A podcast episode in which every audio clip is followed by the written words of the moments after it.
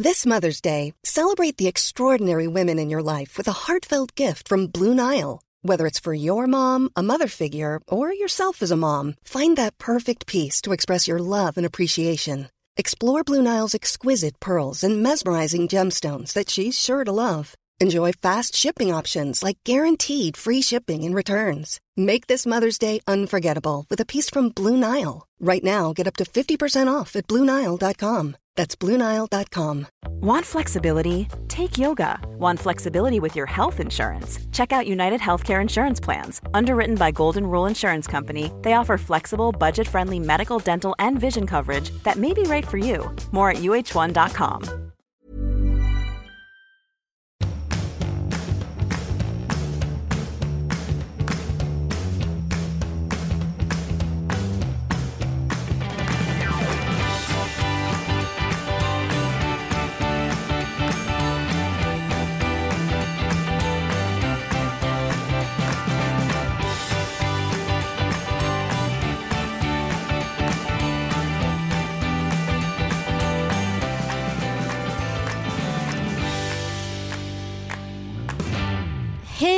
Ann! Hej Anita! Vilken otroligt liksom stormig start på vår första poddvecka.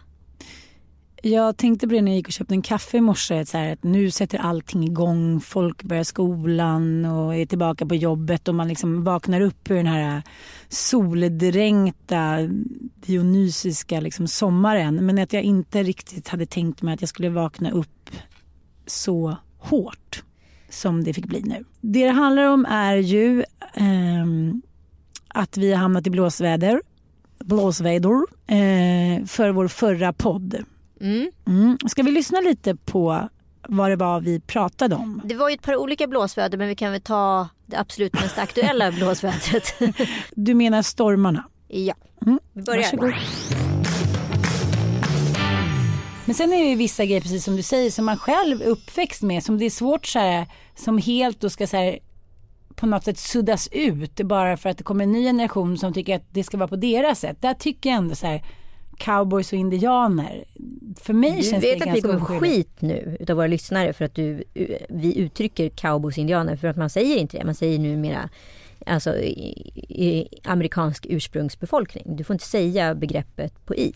Men sången som jag brukar sjunga då för Bobo och Frasse som jag sjungit för mina e- andra barn också. En och två, tre. Ursprungsbefolkning från USA. ja, men alltså, det är den världen 20 En och två, tre Ursprungsbefolkningsindianer. Får man säga ursprungsbefolkningsindianer då? Mm, ja, vet inte. Det är ett samlingsbegrepp, det är en hopklumpning. Det heter ju Sioux och alltså Apache, alltså det är ju Men stammar. Liksom. Cowboys, är det, Cowboys är tydligen okej. det är okej? Mm. En och två, tre ursprungsindianer. Nej, du fick ju inte säga i ordet. Ursprungsbefolkning från USA på häst. ja, Ja, och nu när vi lyssnar på det med nya öron då kan vi väl båda konstatera att det där var inte så skönt.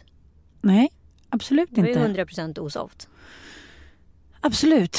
Och eh, så som flera påpekat då i eh, Instagramfältet så är det så här att leka cowboy och indian är ju lite som att leka nazist och jude. Mm. Vad ska man säga? De här lekarna eh, går ju ut på att den ena är privilegierad och har då bestämt att den andra är mindre privilegierad. De här lekarna har alltid funnits och heter olika saker baserat på hur världen har sett ut. En avspegling av världen och det fattar man ju inte när man lever i den samtiden. Men sen i efterhand så förstår man ju att det var ju ganska sjukt.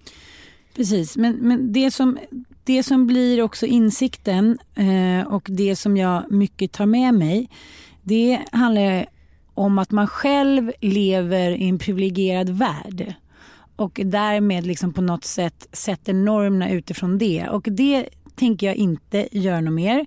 Och eh, jag fick ju ett mejl eller ett DM till mig som jag tyvärr eh, läste lite för sent och det är då från Alexandra Reismar som är ursprungsamerikan och som då eh, har levt med den här historien.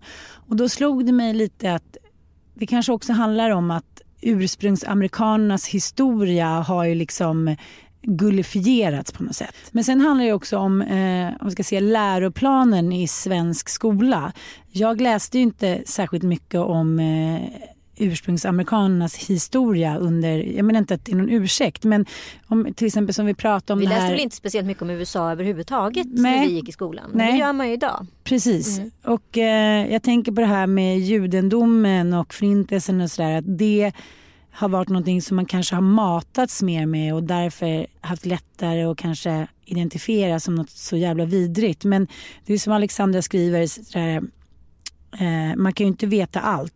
Eh, men du sa det själv att att man inte använder sig av uttryck som lubba som en jude eller n-ord på grund av att det anspelar på folkmord och förslaning av svarta människor. Men det är lite där skon klämmer för mig. Varför är inte avrättningen av mitt folk lika illa? 100 miljoner människor avrättades. Ni till barn matade man hundar med för skojs skull. Man tog vårt land, våldtog kvinnorna, kastrerade män och avrättade oss på löpande band. Man sålde oss som slavar och sexslavar och barn var inga undantag. Sen är inte det här liksom helt nya fakta för mig. Jag menar, vi har väl alla sett dokumentärer och eh, sett filmer och tv-serier så det, det handlar väl inte om det. Utan att, eh, jag pratade faktiskt med en lärare också i morse. Det här har ju upptagit eh, liksom, vår tid nu i flera dagar. Och hon eh, sa det själv att det kanske handlar en del om liksom, att man pratar inte om det här i skolan på samma sätt. Så att det blir heller inte lika laddat. Och den bilden som jag som tidig 70-talist har är ju inte att jag av ondo har lekt cowboy indianer. Eh, Nej, utan enbart av okunskap. Och det, men det berättigar inte oss idag att travestera det. nej, precis. Och det gjorde vi. Och vi ber ju så otroligt mycket om ursäkt för det. Men här någonstans måste ursäkten godtas. Vi har inte gjort det här i ont uppsåt. Överhuvudtaget. Men när hatet helt plötsligt liksom överskiner brottet på något sätt. Mm. Då är det något som är snett. Men det som gör mig så otroligt sorgsen och verkligen så här tung och eh, liksom svart och deprimerad. Och nu handlar det inte om att jag ska ta bort fokus från att vi har gjort något fel. Nej! Fokus är hela tiden, vi sitter ju här och ber om ursäkt och inser att vi har gjort fel. Så att, kan vi bara så här, komma överens om, det handlar inte om att flicka fokus, att det är synd om mig och Anita just nu. Men det som är så sorgligt är att jag tycker att det här var en bra ögonöppnare. Just det här att ilskan och jag tänker inte säga nättrollen, men det, är så här, det det har ju triggat någonting. Och det var ju likadant när Pernilla och Sofia sa en ordet sin podd i somras. Det triggar ju någonting som är så här, det är en sån liksom glödande boll som fylls av hat som bara rullar och rullar och liksom sätter historien tillbaka på ruta ett. Ja, och det Men här... det kunde blivit en konstruktivt snack om hur vi pratar om minoriteter. Exakt. Men Eller? Det, nej men det jag liksom ändå tyckte, vi hade ett långt samtal eh, på kvällen. Och vi gick unisont ut på din eh, Instagram och Mm. skrev ett förlåt mig. Men då var inte den ursäkten god nog. Det var ju någon som skrev att min mamma har lärt mig att den ska bara säga förlåt om man menar det. Och då blir det så här, kan då någon ha rätt att lägga någon värdering i vad jag säger förlåt för och vad jag menar? Det är inte så här att vi sitter och har en podd bara för att vi ska kunna kräka ut oss elakheter och sen bara säga förlåt. Det är inte så att vi liksom har en podd för att sitta och kränka olika samhällsgrupper eller minoriteter eller yrken. Och liksom, jag har fått DM där det har stått att jag är judehatare och nazist och rasist och jag vet inte vad. Ehm, så alla känns ju som att de vill liksom profitera på att så här, sänka eh, häxan. Liksom. Mm. Precis. Eh, och jag vet inte vad jag tycker. Jag tycker att vi har gjort fel och vi har verkligen bett om ursäkt. Men där någonstans måste det ta stopp. Ja, jag hoppas det. Och så här, det drevet som pågår mot Maggan, nu ska inte vi prata om, eh, om Maggan eftersom hon inte är här. Men jag bara undrar så här, vad ska det leda till? Det är inte så här... Om, om Om det tänker, hade bara varit din eh, kompis Ylva som du var ute med, om inte är känd. mm, Då hade ju inte någonting speciellt hänt. Då hade ju du fått ganska mycket skit. ja, precis, Mm. precis. För det är ju du som har varit oansvarig och gett ifrån dig din telefon. Så skulle man ju per definition kunna säga. Ja, och precis. Och det är samma sak det här är om man... Nu ska jag inte ta fokus från någonting igen, men det finns ju alltid en större bild än när någon så här, eh, inte vet vad som har hänt innan eller under eller efter eller att någon liksom plockar någon kommentar från någonting vi har skrivit eller från ett DM som man så här, medvetet ska framstå som så här hin, hål herself. Mm. Det är den metoden och den liksom, eh, på så sätt, så här, mobbarfilosofin som jag bara inte kan skriva under på. Och det pratade vi ju även om i förra podden. att så här, ja, men allt från systerskap till vilka vi är. Och då tycker jag också att det blir så otroligt kontraproduktivt. att så här, Man börjar någon form av eh, som Alexandra. Hon förklarar så här, jag tror inte att någon människa är dålig, man kan inte veta allt och hit och dit. Och här är min förklaring. Eh, och sen så, eh, mitt misstag att inte ens eh, läsa det, men man får ju ibland upp till 50 DM per dag. Ja, ja, Om det minst. får vara ett försvar.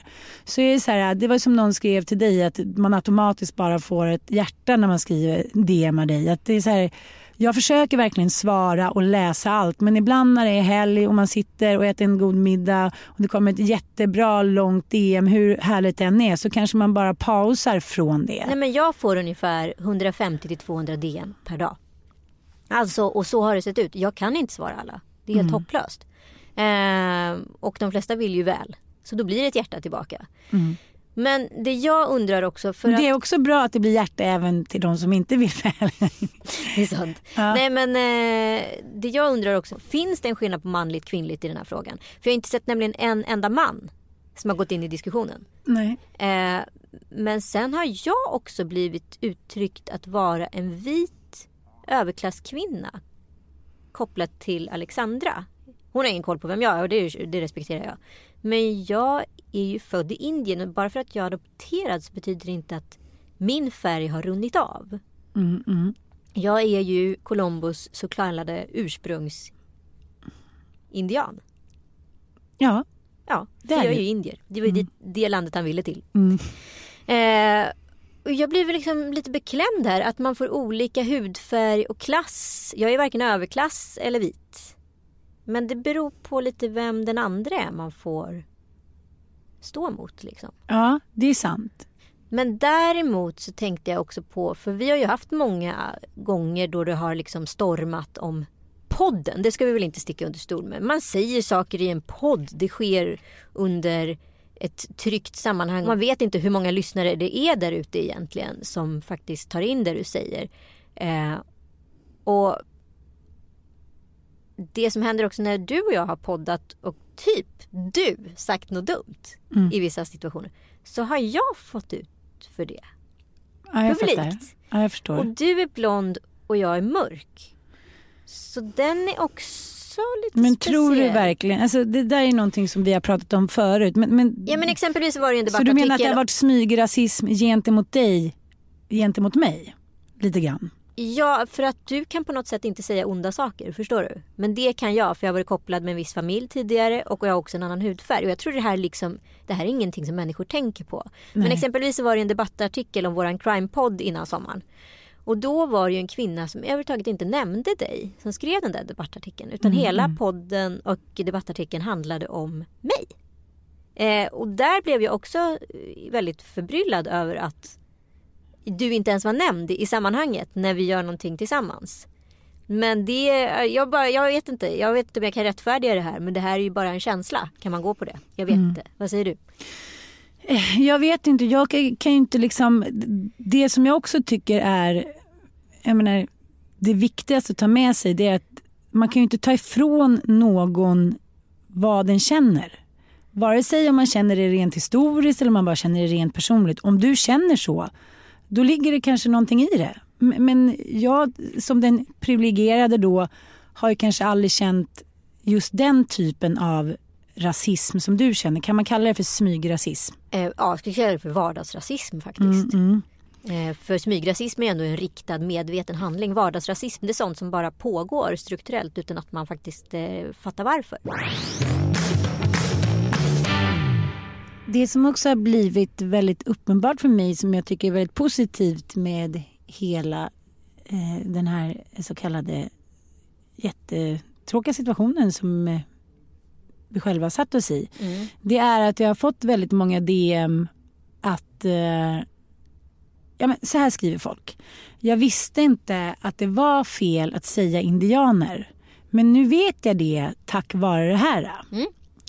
Och då tänker jag lite när jag eh, har läst de här avhandlingarna och, och forskningarna kring det här med ja, vardagsrasism ska vi säga. Jag kan inte gå in på, på all den här forskningen. Jag förstår inte ens hälften ändå. Jag måste sitta ensam på en klippa ute i skärgården. Eh, men jag tänker så här, genom historien eh, så finns det ju liksom eh, ja, en diskriminering som gång på gång har upprätthålls av, eh, av vissa folkslag. Mm. Och ibland är det svårt att Romer är väl ett? Ja, romer är verkligen ett. Och det handlar ju mycket om så här, ja, men den liksom koloniseringen som har skett ute i världen. Innan dess så pratades det inte lika mycket såklart om raser och man tänkte inte på på samma sätt. Och eh, jag tänker att, eh, att om man till exempel tar behandlingen av judar under andra världskriget mm. så var det ju handläggare som eh, kanske inte nödvändigtvis var då uttalade antisemiter. Menar du här i Sverige? Precis, precis. Mm. Eh, och inte ens som hade som liksom avsikt att behandla judarna illa.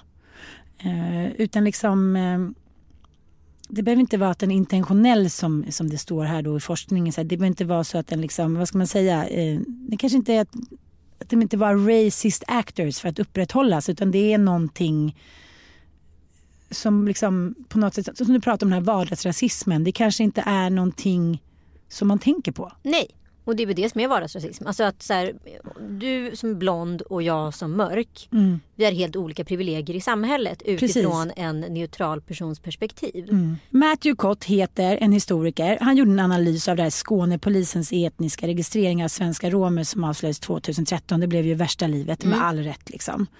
Eh, han kort säger att han ser registret som ett utslag av då en historisk, institutionell eller strukturell rasism har funnits inom polisen i nästan hundra år och som gör då att det ses som naturligt och inte alls särskilt kontroversiellt att registrera romer och på resande grundval av etnicitet att så här, polisen automatiskt betraktar sådana här grupper som mer kriminella och därför ses som självklart att de då ska få föra särskilda register. Att det är någonting som de rent historiskt och kulturellt inte har ifrågasatt. Mm. Och jag tänker absolut inte ens samma århundrade göra de här jämförelserna men när jag får de här DMen där det är så här tack jag såg eh, förra, förra året på Gills veranda eller det där är ingenting jag tänkt på jag är lärare så känner jag så här det leder ju ofta till någonting bra. Till exempel våra lyssnare Eh, eller... Medvetandegörs precis. om detta. För vi, precis som vi pratade om i förra podden så är det ju många olika generationer som kommer med olika insikter och olika medvetandegrad om saker och ting som ska mötas i sociala medier eller i poddrummet eller vad det nu är. Och alla vi har olika referenspunkter och de referenspunkterna är ju eh, otroligt laddade. Mm. Eh, du och jag kommunicerar på ett språk med oss som är födda i samma generation, kanske från 85 och uppåt. Ish. Eh, och sen så finns det de som är födda 85 och neråt. Nu generaliserar jag enormt här såklart är det inte liksom årsspann på det här utan en annan typ av spann. Men då då liksom förstår man olika saker på samma sätt. Liksom. Och när de här världarna då ska samsas eller förstå samma saker, det är då det uppstår konflikter. Men här någonstans måste ju så här, konflikten stävjas. Människor gör fel. Det är inte så att hela Sverige går runt och är rasister. Det är inte så. Utan vi har gjort, lär oss av misstagen och vi måste gå vidare. När ett förlåt inte längre är ett förlåt, gott nog, vad är det då?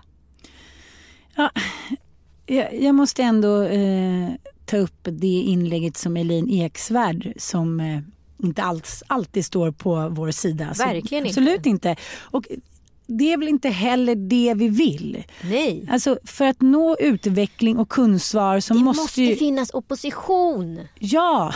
Vi kan inte tycka lika om allt. PK-normen är också skadlig. Ja, nu handlar inte det här riktigt om att tycka utan det handlar bara om en känslomässig värdering som var fel av oss och som mm. nu vi av liksom den publika juryn som är våra lyssnare och våra liksom, som tittar på våra Instagram har upplyst oss om. Och det gjorde också eh, Alexandra så jävla bra. Hon upplyste om så här, därför blir jag sårad av det här. Mm. Okej. Okay. Eh, det var och, helt relevant, sakligt, korrekt. Precis. Men sen så fortsätter ändå drevet. Och då är det lite så här, men varför fortsätter drevet och bollen att rulla fast det redan liksom så här, it's closured. Vi har bett om ursäkt, eh, vi har varit sakliga båda två och det är det som också Elaine skriver i sitt inlägg att det är så här, vad är det med alla som står vid sidan och hatar?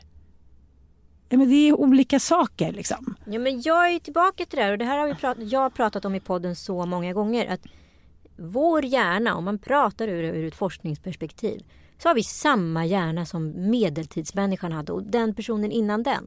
Vår hjärna sett ungefär likadan ut. Så när de här stormarna kommer, för att medierna förändras ju. Förut var det kanske skolgården som var det heta eller ålderskategoriserat. Idag är det internet eller liksom alltså techvärlden. Det är där skolgården har flyttat in. Då blir det den här pöbenstämningen och folk vill antingen bara in, du vet så här gamla bondeslagsmål när folk krökade på Vänta. Du vet såna här gamla bondeslagsmål där drängarna gick ut och krökade varje liksom, lördag för de hade en ledig dag hela veckan. Och så söp de på utav bara helvete så började de slåss. Och sen började alla slåss med alla fast kanske inte hade någonting med någonting. Rallarsving. Lite rallarsving mm. party. Lite mm. så är det ju där ute. Alla vill in och fightas och så här, upp med nävarna liksom. Man vet inte I don't know why I'm gelling. Du vet mm. lite så Steve Carells roll i Anchorman när han skriker för alla andra skriker. Men han vet inte vad han ska skrika om. Så blir det ju. lite som barn. Ja, lite som Fralle barn. får skriker rätt ut. Då börjar Bobban skrika. Så sitter de där och skriker och jag och Mattias säger vad händer nu? Exakt. Men jag tycker det är så fint också och så himla sant det Elaine skriver att det viktiga är liksom att våga säga förlåt utan att bli hotad eller hånad. Liksom. Och eh, det viktiga är också att kanske att man gör det än hur man gör det. Ja. För jag menar, tänk så mycket i historien som skulle varit så jävla annorlunda om man i alla fall hade sagt förlåt och bett om ursäkt. Även om det kanske inte var så retoriskt genomtänkt eller om det liksom ja, men man, man gjorde någonting i affekt. Men bara det här förlåtet. Så här, jag tycker inte att, liksom, vadå strössla med det som någon kritiserar men man kan inte göra hur många fel som helst och sen bara säga förlåt. Jag tycker inte att det handlar om det. Jag måste också till vårt försvar när man är publik, det är ingen som så har tvingat oss till det. Nej, verkligen men. Men, men, man gör väldigt många uttalanden, man, eh, vi är, liksom, man är med i poddar, vi har vår podd. Eh, jag och Sanna, vår podd. Så här, det är ett flöde som pågår hela tiden. Att, så här, att begära att någon aldrig gör ett mänskligt felsteg eller misstag, alltså, det kan inte jag leva med jag kan inte leva med det kravet. Och då känner jag så här, det här hatet med de som står från sidan om den då som ni försvarar har liksom ja, men, tagit den där handen och så här, tagit emot ursäkten. Då måste vi i denna liksom, tid av så här, mörker i världen så ta vårt jävla systerskap på allvar. Som Madonna. Mm. Jag skrev det i morse, gud, senaste veckan. Jag tänkte skriva så här hundra gånger. Jag legat och kollat på hennes eh, gamla bilder och hennes Insta och hon firade där i Marrakesh hit och dit. Så tänker jag så här, alla ni som är 90-talister och 80-talister och 00-lister. Eh, ni har ju sett tusen madonnor överallt. De liksom, man kan överallt. De är på Youtube, de är på Insta, de är på liksom Snapchat, de är på en musikscen, de är på en film, de är i en dramakomedi, whatever det är liksom, det, det, är så magiskt. Det är så här, ni behöver inte ens liksom försöka gå i bräschen för någonting. För det finns alltid någon där som ni alltid kan ta rygg mot. Jag kommer ihåg när jag gick i åttonde klass och hade köpt en kort randig kjol och eh, snörkängor som Madonna hade. Mm. Nej men nu skämtar inte jag. Det var 350 gapande munnar som vände sig mot mig när jag gick in i den här lite Madonna-outfiten i liksom, på högstadiet i, i, i Farsta. Det var, så här, det var så galet. Nu hade jag liksom förlorat det helt. Mm. Nu, liksom, vad gör vi med det här typ? Vad ska vi, vad, liksom, ska vi så släpa ut henne med kära och fjäder eller ska vi beundra henne? Eller, liksom, Hur hanterar vi henne? Ja, det var verkligen så. Jag såg det i deras ögon. Jag var så här, jag har ett par kängor och en kjol på mig och ett par randiga strumpbyxor. Jag är inte ett frik, jag är inte ett frik, jag är inte, eller är jag ett frik? Och den här osäkerheten när man försöker stå för någonting, eh, precis som vi pratade om det, att man försöker vara sig själv med alla sina fel och brister. Ja. Eh, så tänk ändå så här, tack Madonna för att här, jag vågade. Det var inte så stort statement men då var det ett skitstort men då var det helt enormt. Jag, gjorde också, jag har också varit totalt Madonna-besatt och är det fortfarande. Och Madonna är faktiskt den kvinna jag lyssnar på varenda gång jag är nere, deprimerad, separerat, eh, mått dåligt. Hon får upp mig. Mm -hmm. Det är mhm. någonting med henne. Hon får upp mig.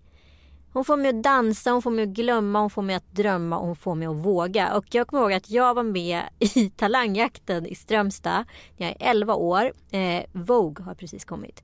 Jag har vogat så mycket på mitt rum så att det har blivit liksom ett skavsår på ett, en vägg. liksom för att jag har vogat in i väggen så sant? många gånger. Så till sist vågar jag själv som så här, när jag är 12 år. 12-åring gå upp på den där scenen. Jag ska inte sjunga, jag ska dansa en Vogue. Till dagen har jag också fått århundradets värsta mens. Så jag har liksom en binda, för man hade inte tampong på den tiden. Den är så stor så att den ser ut som en sån förlossningsbinda. Och jag är så här, hur ska jag göra det här utan att min binda syns genom jeansen? Hur ska den här liksom, dansen gå att genomföra? Och jag går upp, jag är så nervös, jag är så fruktansvärt nervös. Men jag vågar mig igenom hela numret och jag kan fortfarande hela rutinen. Eh, men jag gör det. Och liksom, hon fick mig att våga saker som jag aldrig trodde om mig själv. Och mm. varenda mm. gång när jag behöver liksom den där extra skjutsen sätter jag på Madonna i lurarna. Mm. Jag vet inte varför. Ja men jag fattar, jag fattar. Och jag, jag bara har nynnat på den här eh, Papa Don't Preach. Ja men och jag mm. älskar ju såhär human nature, cause I'm not sorry, it's just human nature. Alltså mm. för vi, kvinnor oh. fick inte vara kåta. Nej. förr i tiden. Vi fick inte vara kåta. Jag älskade när Katarina Wennerström sa det i sitt sommarprat. Så kvinnor, sexualitet är inte fulare mindre än mäns. Kvinnor är lika kåta som män. Varför skulle det bara vara tonårskillar som är kåta? Tjejer är li lika kåta. Och det sa ju Madonna till oss. Mm. För liksom 20 år sedan. Och för oss var det liksom så här, men det är inte sant. Hur vågar hon? Och, kan hon göra? och så mycket skit hon har fått. Hon har varit liksom fördömd av katolska kyrkan. Påven har pissat på henne. Fy fan. Och hon bara, cause I'm not sorry. Alltså jag får så här, ah, börjar mm. nästan lipa. du vet, hon har tagit så många smällar för oss. Alltså. Ja, jag vet, jag vet. Hon ska fan, jag tycker hon har hyllats dåligt. Verkligen, hon nu heter ändå vi på Madonna. Lite. Vilken är din favoritlåt? Um, nej men jag älskar ju, vad heter det, Human Nature. Mm. Kom du ihåg också eh, när katolska kyrkan då rasade mot henne när hon eh, tände eld like på ett prayer, kors? Den är också helt alltså, den, den låten, den refrängen, den är så catchy och så stark och så bra. Ja men också när kören kommer in där på ja. slutet, det bara blir så något crescendo som är helt galet. Mm. Men Pappa Don't Preach, också så snygg video. Ja. Men det är också så här, man har en karriär, man är mänsklig, man har barn, eh, man ska tampas mot överheter, mot konventioner, mot så här, osynliga normativa regler, man ska slåss mot sitt kön, man ska slåss mot liksom fan och hans moster. Det är klart att det blir fel ibland. Men det är väl klart ja. att det blir fel ibland och till och med Madonna fick ju pudla för påven. Mm. Ja. Idag hade hon aldrig gjort det. Nej.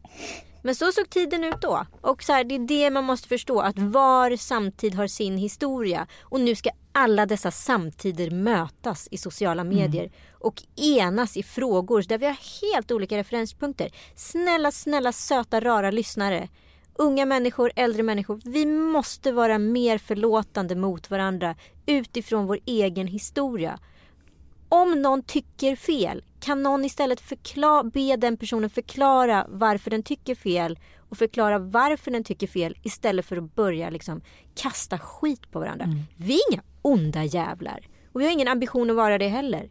Men det räcker nu. Mm. Fan, det räcker nu. Systerskapet.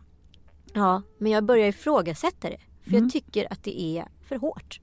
Ja, det är jävligt hårt där ute. Det blåser kalla vindar. Och det tycker och... jag är väldigt märkligt efter metoo. Det borde vara precis tvärtom efter metoo. Men jag känner inte att det är det. Jag känner kanske att det är till och med lite snävare i de här åsiktskorridorerna och lite hårdare.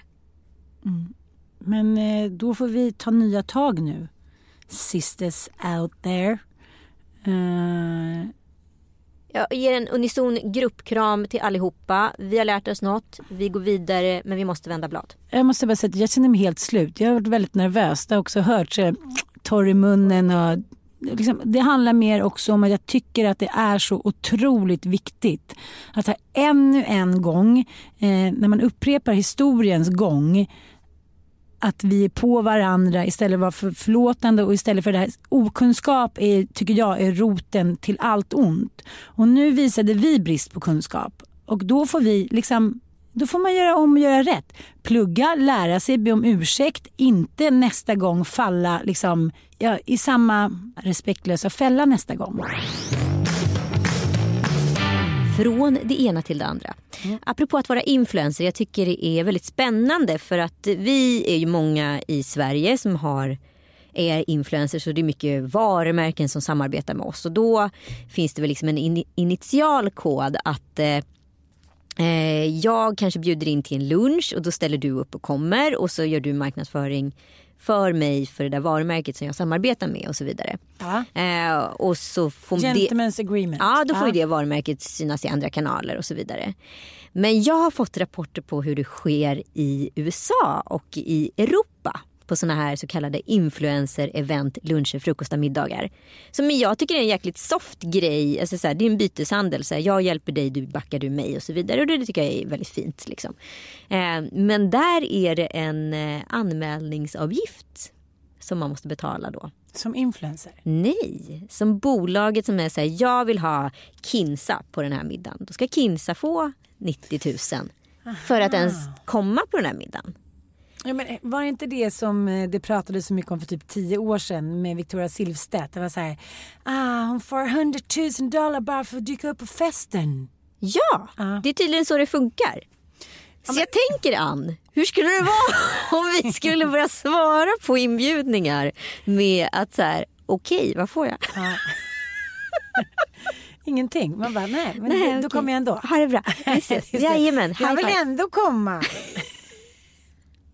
Men undrar vad det undrar vad det är men jag blir så jäkla nyfiken på det här. Mm. Vad är det för stämning i det där rummet? Hur mycket fick hon betalt för att mm. komma? Och vad är jag värd? Alltså så här, det måste vara helt fruktansvärt, eller?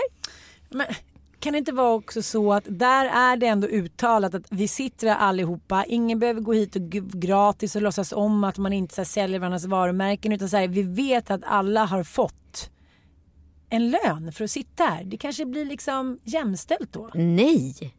Alltså vi alla vet ju om att vi är här för varandra mm. när vi är på en sån här lunch. Men nu har inte... Mickan Forni släppt något nytt, det här vill vi supporta. Då är vi där och glada för Mickans skull på, på fullaste allvar och är också så glada för att få ett, en schysst lunch, två lite nice prylar. Men, precis... Men, du tycker att man ska få lön?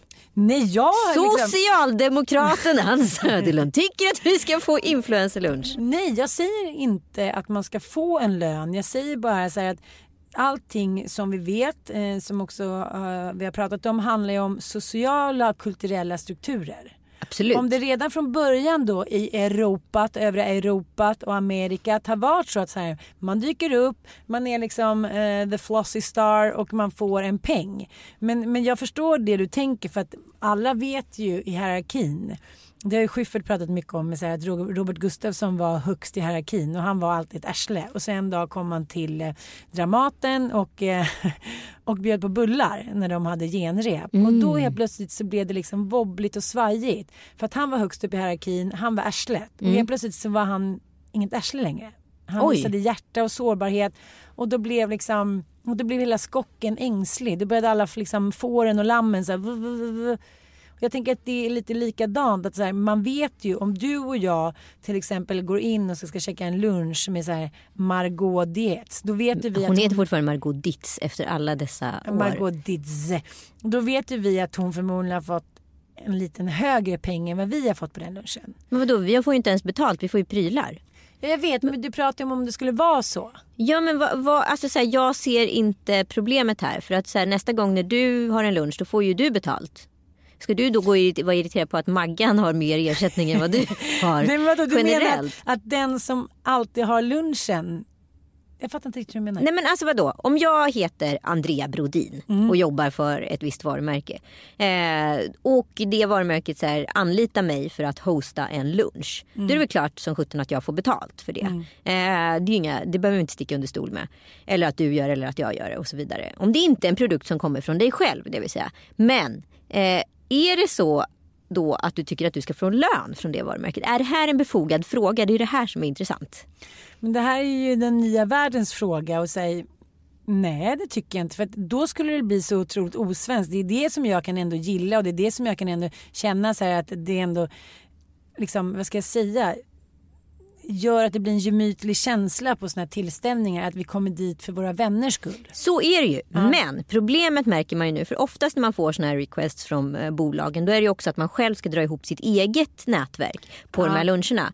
Och det är ju Det är väldigt, tungrot. ja, och det är väldigt många såna här luncher, frukostar etc. som pågår hela tiden. Så det är ju inte helt lätt att göra det. Nej. Och då kostar det ju ganska mycket för en själv i eh, arbetskraft och liksom kanske också trovärdighet att så här hustla med sina vänner om att komma på ett gratis gig för att man själv ska få betalt. Så utifrån ett perspektiv att man liksom kanske inte ska tulla på sitt nätverk utan faktiskt kanske renomera sitt nätverk så kunde det ju vara schysst och så här hej du får också 10 000 om det dyker upp. Det är svårt att säga nej då. Alltså det skulle vara väldigt mycket mer så här okej nu snackar vi. Men skulle det inte skava då? Nu känns det ju väldigt fint och man känner sig också som ett arsle om man bokar av när man inte kommer till sina kompisar. Men ibland, du vet vissa perioder under säsongen så kan det ju vara så här tio middagar, frukostar och luncher på en vecka. Nej men det, det kan vara helt sjukt. Det är och ju nästan ett jobba. heltidsjobb. Ja, jag vet. Och så får man liksom ingen lön. Nej, så får man mat. Mm. Och så vill man säga och kanske en liten kräm. Och så vill man vara schysst mot sina kompisar för att man blir besviken om de inte gör samma sak för en själv. Mm. Det är som till exempel man har en bokrelease så kommer inte ens bästa kompisar. Då är det så här, jaha. Då blir man ju så ledsen och besviken. Ja, men såklart. Mm. Men samtidigt är det, det är lite så här, kommer det inte med jobbet? Alltså det är ju en del av risken. Eller är det så att vi alltid ska börja med att vi har en flat rate till alla som kommer på middagen? Men du! Inte nog med att du får ett paket Frosties och en jävligt nice frulle. Du får också 5000 spänn. Jag vet inte, skulle... Men allt handlar ju om, det, så här, det handlar ju om reformer. Även om de är små eller stora eller sociala eller kulturella eller vad fan det nu heter. Någonting som har blivit av orsak och verkan. Så är det sen när man gjort det två, tre gånger. Då är det legio. Kan man hitta en medelväg? Om, om man är så här, okej, du får komma på lunch men du får en massage på eh, ett schysst spa. Så det tar två timmar till innan du kan gå hem och jobba? Eller Nej, nej, nej, men en som en presentkort. Aha. Jag tänker liksom att det, så här, det vore väl ändå nice. ja, så, ja, det, om, om man ändå tar höjd och budget för att bjuda in på en flådig lunch som Mm. ett eh, varumärke nu ska ha. Då borde man ju kunna ta höjd och budget för det med. Sen är det väl kanske taxeringsfrågan hur det funkar med om det är avdragsgillt eller inte. För det är väl det de vill åt va? Så att, eh, du, du, vi får se så här, hur det här blir helt enkelt. Nej men det är bara intressant att se. Jag säger bara att det här är en spaning från Europa. Kommer det här ske men- i Sverige? Men det som händer som till exempel med Victoria Silvstedt eller någon annan liksom väldigt känd influencer som får en 300 buck för att visa sig på en premiär. Ja. Eh, om vi skulle få en peng nu... Vad är Ja, vi värda på premiären? Fem- kan vi ställa, 50 kronor. Kan vi ställa en tariff? Okej, vi tar upp lite kända personer och så gissar vi vad de är värda. okej, ja. Men får jag bara säga klart? Ja. För mig skulle det nog man liksom intala att man har någon utav, liksom form av yrkesheder. Om jag skulle då gå på din launchning av till exempel en bok och få 5000 spänn då skulle jag bara sitta och känna obehag. Eller? Ja, men jag vet inte, är vi bara, sitter vi bara i på nu och så här spekulerar i något vi leva har? på att vara en lunchare. Lunch for life. Lunch life istället för lush Bacon life. lunch, lunch for bacon. Bring home the bacon with the lunch. Okej, vi Okej. säger lite olika då. Okej, är det här för en lunch eller är det för en premiär? Men okej, men det är en premiär, en stor viktig premiär. Det är inte Elgalan utan det här är en fest som kanske, mm, du vet man bara så här, är det, ska jag gå eller inte fest? Förstår du? Jag fattar, jag fattar. Ja. Eh, och 10 000 är det mesta man kan få. Mm. Då säger jag Margot Ditz. Vi använder oss nu bara utav influencers. Ska vi säga Okej, så? Och svenska influencers. Mm. Ja, Vad är hon värd? tio. Ja, jag tror också 10. Mm. Nej, fast det beror på vem hon står i paritet med. Om Kinsa ska jag komma. Ja, då är hon åtta. Ja, Ja. Mm. Men Kinsa är alltid tio. Kinsa är alltid 10. Mm. Eh, Okej, Carolina Gynning.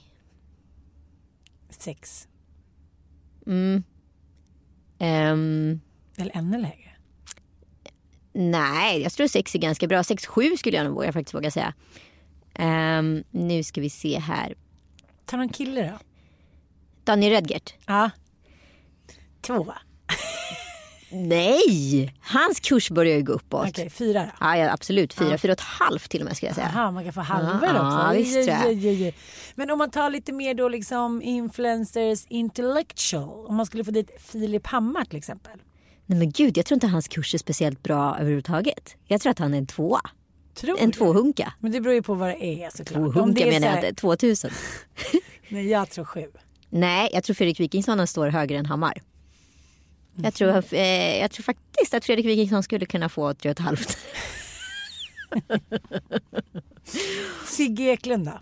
Ja, men Sigge är ganska bra. Jag tror att han är precis mitt emellan människa. Femma. 5000. Jaha, jag tänkte säga åtta. Nej, nej, nej. Så exklusiv inte han. Okej. Ehm, Eh, vad har vi mer för lite någon sport? Eh, Therese Alshammar till exempel. Nej, men hon är ju liksom... En lusing kanske bara. Ja, det kanske vi pratar om en lusing. Mm, Det blir hårt här känner jag. Ja. Kallt. Ja, jag ska vi gå, då kan vi gå in på oss själva. men, vi får spara lite på den. Några Okej, till. Några ja, till. Ja, det är till. roligt. Är roligt. Victoria Silvstedt då? Ja, men Victoria är en tia. Är hon det? Är hon det i Sverige I? Sverige är hon en tia. Ut internationellt trea skulle jag säga. Men är hon en tia i Sverige verkligen? Ja. Okej, okej. Jag ber om ursäkt. Eh, kungligheter och så här. Pernilla det- Wahlgren. Åh gud vad svårt. Nej, men hon är nog en sjua. Bianca är ju en tia. Bianca, Bianca och Kinsa känns det så här. De är typ de hetaste. Ja, det går inte att bli så mycket Nej. hetare. Ja, men, men det stressar av sig också på Pernilla. Jag tror att hon är tillsammans med Bianca är hon ju en åtta. Ja, utan, utan Bianca kan hon vara en sexa. Ja. Mm.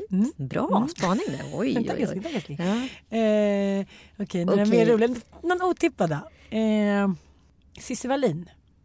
Åh, hon är ju en eh, vågbrytare skulle jag säga. Jag skulle säga trea. Mhm. 3000. Men det beror ju väldigt mycket på. I vissa kretsar så är det ju tio. Absolut. Hon är sån Men- som man kan använda i olika kretsar. På, ja precis. Ja, Hon det har hon har en jät, jättehög kurs i vissa sammanhang Mm. och en ganska låg i andra. Men med binda, jag tror ändå fem. Äh, fyra och en halv kanske. Ja, men hon är ju nykläckt bebis. Ja, och- ja, ja, okej. ja. ja. Okej, någon. Så här, någon kock eller något sånt där. Någon sån mat-Tina. Men hon är väl ingen influencer? Vi skulle ju hålla oss till det, inte Nej, traditionella hon är kändisar. matinfluencer. Um, Okej, någon sångerska. Uh, Rebecca and Fiona. Fem. Nej, fyra. Okej. I, i par. Två. Men det här är ju bara komik. Tänk på att det är en jävligt så här, snäv fest. Det är en bindanfest för ett varumärke som inte är liksom, kanske det mest heta kända på marknaden. Det är inte en så här alla vill gå-fest. Utan det är en fest man kanske måste få pröjs för att komma. Ja. Och då ska man också behöva då utifrån ett PR-perspektiv betala någon form av tariff för det här. Okej, Ann Söderlund. Två. Bindan. Ett. Ja, bindan. Ja, men Oj, ja, oj, ja, oj. ja, Du, du får ju för fan betala för att komma Nej, jag är dit. bjuden nu på en fest. Är det så? Ja, är det med så? Emma. Oj, oj, oj. Emma. Emma. Emma. Benådad.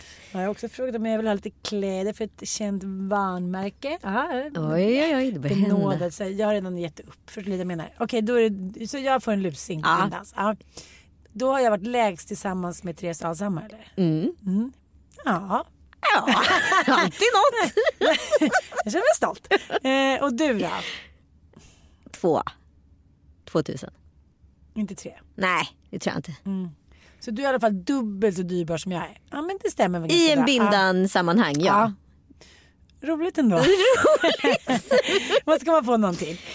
En till. Ja, sista då. Eh, Micke Persbrandt. Men han är väl ingen influencer? Ta Sanna Lundell istället, det är roligare. Gud vad svårt. Om men hon- Micke kommer med. Om Micke kommer tio. med. Nej, åtta. Åtta. åtta. Och Själv utan Micke, tre. två.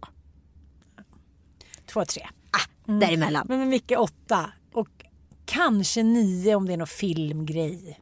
Eh, Angelica Blick, vad får hon? Men det är ju verkligen, alltså är inte hon mest känd bara för sin krets? Jo men det är det jag menar. För en sån person är ju högt värderad. Hon har ju för fan nästan två miljoner följare. Det är ju bi- bizarre. Alltså, eller en miljon följare. Det är ju bizarre. Men då måste ju det, alltså, Jo, det men- blir jättesvårt. Är det då en tia? Nej, det är det jag funderar på om det är. Jag tror inte att det är mer än en trea ser du. T- Nej, inte med så många följare. För tänk om hon lägger ut en grej. Gud vad härligt det var här hos Bindefält. Jo men vadå, hennes följare är kanske 16. Vi vet ju inte vad varumärket på produkten är. Men vad då? så du menar att... Eh, Vi klassificeras ju som influencers utifrån ett kändisperspektiv Ja, här. jag fattar, jag fattar. Mm. om, det är, om det är en premiär. Och då är ju hon inte en kändis utifrån ett bindefält mått mätt. 1,2 miljoner följare. Ja, jag säger ju det. Alltså det är helt otroligt. Men what's the thing? What's the thing? Förutom att hon är väldigt... Men hon är råhärlig. Men hon är ju inte en kändis utifrån ett kändisperspektiv. 30 833 likes på en bild där hon har en klänning. Det är helt otroligt härligt. Men tack för att ni har lyssnat den här veckan. Vi hörs igen om en vecka. Ha det så otroligt bra. Förlåt för våra ytliga tävlingar, låtsas, hypoteser etc.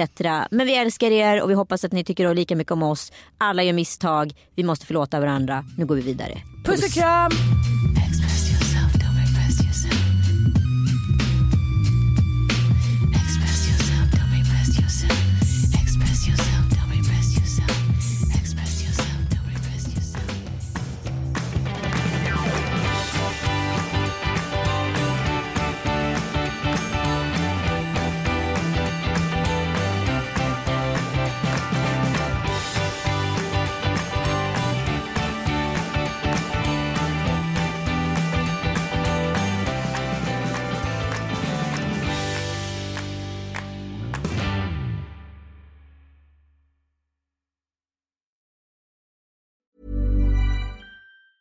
Planning for your next trip? Elevate your travel style with Quince. Quince has all the jet setting essentials you'll want for your next getaway, like European linen, premium luggage options, buttery soft Italian leather bags, and so much more.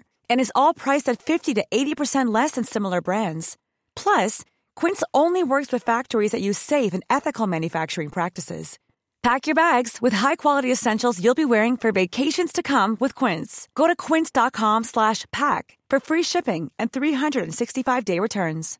Imagine the softest sheets you've ever felt. Now imagine them getting even softer over time. That's what you'll feel with Bowl and Branch's organic cotton sheets. In a recent customer survey, 96% replied that Bowl and Branch sheets get softer with every wash. Start getting your best night's sleep in these sheets that get softer and softer for years to come. Try their sheets with a 30-night guarantee. Plus, get 15% off your first order at bowlandbranch.com. Code BUTTERY. Exclusions apply. See site for details.